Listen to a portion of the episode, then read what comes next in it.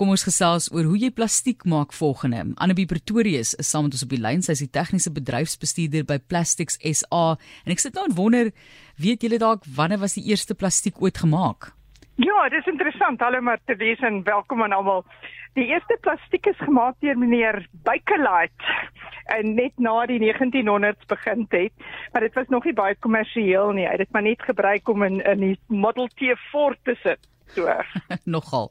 Maar Annabie, jy weet plastiek is daar's baie negatiewe konnotasies nou aan plastiek, maar dit is eintlik 'n wondermiddel. Dis nie nou ek wat dit probeer bemark nie. Dit gaan net vir my oor die feit dat dit is 'n fantastiese produk wat vir die mens baie beteken het. Ongelukkig nou hierdie baie negatiewe naderdraai in die afgelope wat dekades wat dit net heeltemal die wêreld en ons oseane oorgeneem het.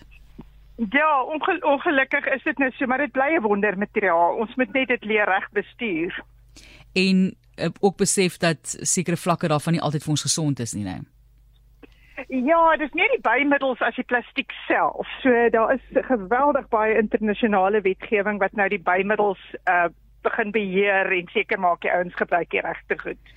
Ons het so 'n bietjie vroeër gesels oor die idees van hoe jy plastiek kan beperk in jou daaglikse lewe, maar jy gaan volgende Vrydag vir ons sê hoe jy plastiek herwin en hoe daardie proses gevolg word. Ons weet ook baie plastiek word herwin deur mense en dan is daar te veel plastiek eintlik herwinningsplastiek in die mark om gebruik te word. Baie van dit word op die einde ook maar weggegooi soos ek verstaan. Nee, jy jy is heeltemal reg, maar ons kan ons kan volgende Vrydag daaroor gesels. Fantasties. So, kom ons gesels oor verpakking in die algemeen en dis legio natuurlik, né, vars produkte en dan kry jy bottels. So dit is 'n wye lys van vaardighede wat plastiek verrig.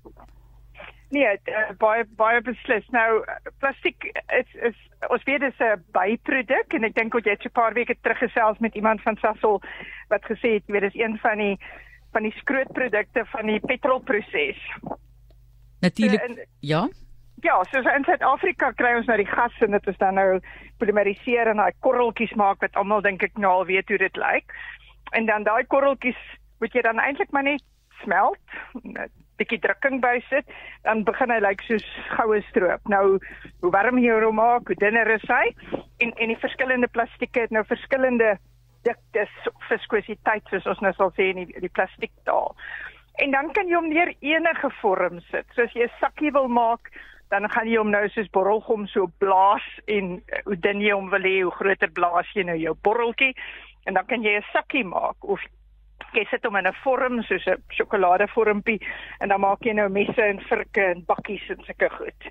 So dit is letterlik 'n geval van wat wil jy vervaardig?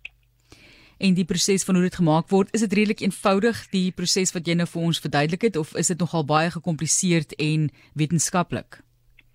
Die die prosesse weet se wetenskap hang uit en uit af maar van die tipe masjien. So die tegnologie maak dit eintlik vir ons baie maklik. So as jy die regte masjien gekoop het, dan is dit eintlik dan gooi jy die plastiek in en en hy vorm om vir jou. Waar die die wetenskap en die vaardigheid inkom is is meer in die ontwerp. So hoe gaan ek 'n sakkie nou maak wat nog steeds sy funksie verrig, maar met die minste moontlike materiaal? En en dis nou eintlik waar die waar die vaardighede inkom. Of iets soos 'n krat. Nou ons kyk almal na 'n krat of ek laai hom gou in die motor se kattebak en ek gaan doen my inkopies. Maar 'n krat het ongelooflike vaardighede want jy moet elke een van daai ribbetjies moet 'n sekere dikte hê sodat my krat op die einde van die dag op mekaar kan stapel en nie kollaps nie en dat dit ook 'n sekere sterkte het. As jy net soos 'n koppietjie kyk, hoe maak ek seker dat my oor nou nie gaan afbreek van die van die koppie af nie. So dis eintlik maar waar die vaardighede lê.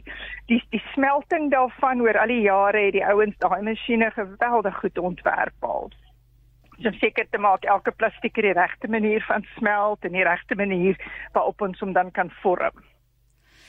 Dit is Anemie Pretorius wat met ons gesels, 'n tegniese bedryfsbestuurder by Plastics SA. Ons praat oor plastiek, dis plastiekvrye maand en vir julle ook 'n prioriteit op julle eie manier natuurlik in die gebruik en in die bedryf van plastiek.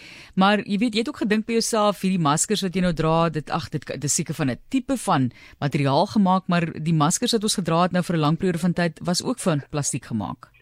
Ab, absoluut en dis vir myself 'n vreeslike interessante proses want Die oomblik as jy iets langs en duns wil maak en dit kan nou die hare wees van jou tandeborsel of selfs wees hierdie ehm um, haarverlengingstukke wat die mense insit of iets nou soos die die veseltjies wat in die maskers gebruik word. So nou smelt die masjien uh, maak nou my my plastiek lekker dun en omdat ek veseltjies wil maak gebruik ek 'n hoë temperatuur so daai goue stroop wat vooruit kom is of die smeltsel soos ons sê is baie dun. En dan lyk die vorm wat deur kom druk amper nou soos 'n teesifie. So hy klomp gaatjies bymekaar. As ek iets soos tandeborstelhare wil maak, is my gaatjies nou bietjie groter.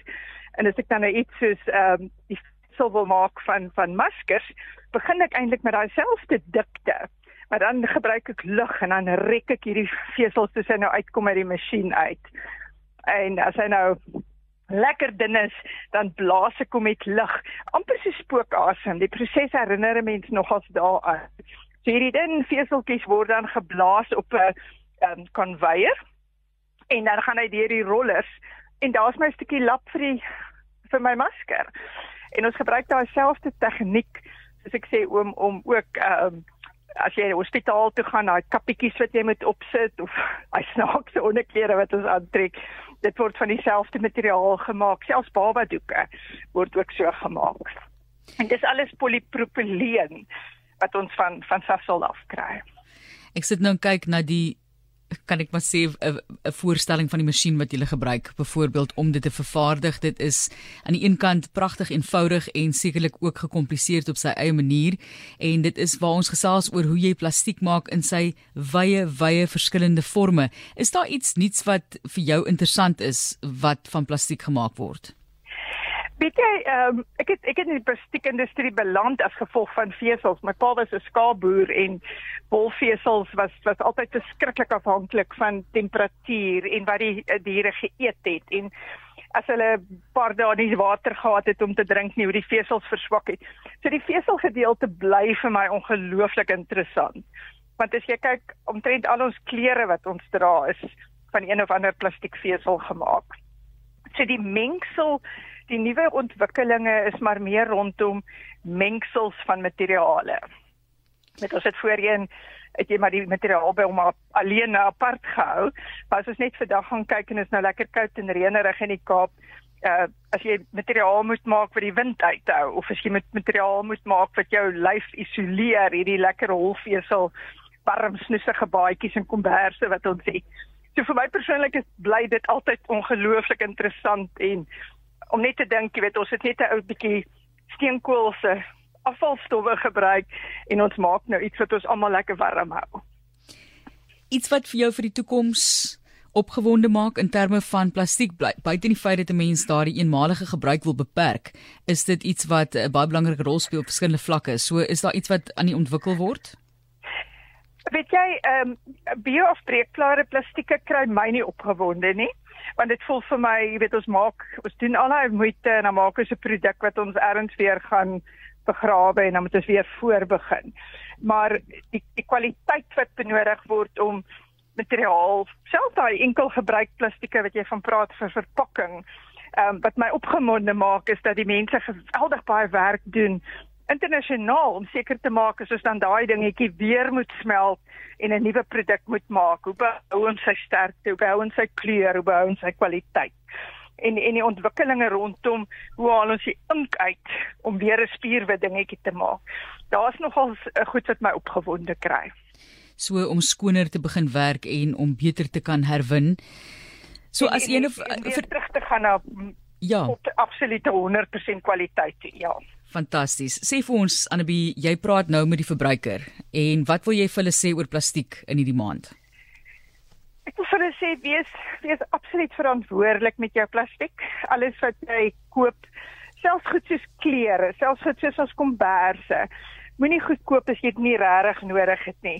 As dit by verpakking materiaal kom, as beperk dit, beperk dit absoluut tot dit wat nodig is geen mens het nodig om drie sakkies rondom iets te sit voor jy dit by die winkel uitdra nie.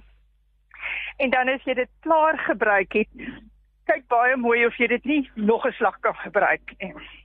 Alles het vir iets anders, al is dit 'n ander tipe toepassing.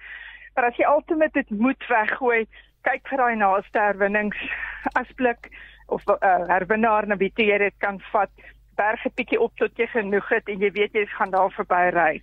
Maar maar vir my gaan dit oor die verantwoordelike gebruik van ons alles wat ons het, ons water, ons energie, ons elektrisiteit, maar veral ook ons plastieke. Ja, daar's baie mense wat al vir ons SMS'e gestuur het. Hulle sê ons hergebruik ons bruin sakke wat die afleweringswinkels vir ons verskaf as hulle ons inkopies aflaai. Weet jy wat doen ek daarmee Annabie? Ons as ons braai, gebruik ons daai daai papier is nou papier ongelukkig want dit ons het sommer oor herwinning ook in die algemeen gepraat. Um, ons braai daarop soos dat hierdie rooster draai. Ja, wonder, jy weet, ja. Daai tipe van ding is nou weg van jou van jou wêreld af in die algemeen. Ja, maar maar enige iets, weet jy, ons ons moet net begin om goed te hergebruik. So ons ons koop so vinnig en ons hardloop so vinnig agter die mode aan. Jy weet my my hemp is nou nie meer mooi nie, dan gooi ek hom weg en ek koop 'n ander een. En ons moet regtig seker maak ons ons gebruik goed 2, 3, 4 keer oor voor ons um, dit sommer net weggooi. Op die noot van kwaliteit wat jy nou genoem het, as mense dit verder vat na klere toe, kyk, nie almal kan dit bekostig nie. Ons moet nou eerlik wees daaroor. Maar ek het net besef later aan dat as jy iets koop wat dalk swakker kwaliteit is want is goedkoper, dan gaan jy op die ou end dit vinniger weggooi. So iets wat kwaliteit is gaan vir jou langer hou, maar weer eens moet jy kyk na uh, kos op die tafel. So wie's ek om ja, te praat, jy weet. En daai daai eerste daai eerste uitgaaf, maar as jy bietjie spaar en jy sê jy weet in steede van nou daai hempie koop wat eintlik goedkoper is, kom ons wag nog 2 weke en ek koop 'n hempie wat vir my 3 keer langer gaan hou. En en dis maar daai ons ons moet regtig bietjie meer begin dink en ons moet verantwoordelikheid wees in wat ons doen. Anemie baie dankie. Ons sal probeer hoor. Ons sal jou trots probeer maak, maar ja, dit gaan altyd so so maklik. Hier is Anemie Pretorius baie dankie. Volgende Vrydag is sy weer aan die woord en dan praat ons oor hoe jy plastiek herwin. Verskillende tipes natuurlik soos ons vroeër ook gehoor het. Sy is die tegniese bedryfsbestuurder by Plastics SA.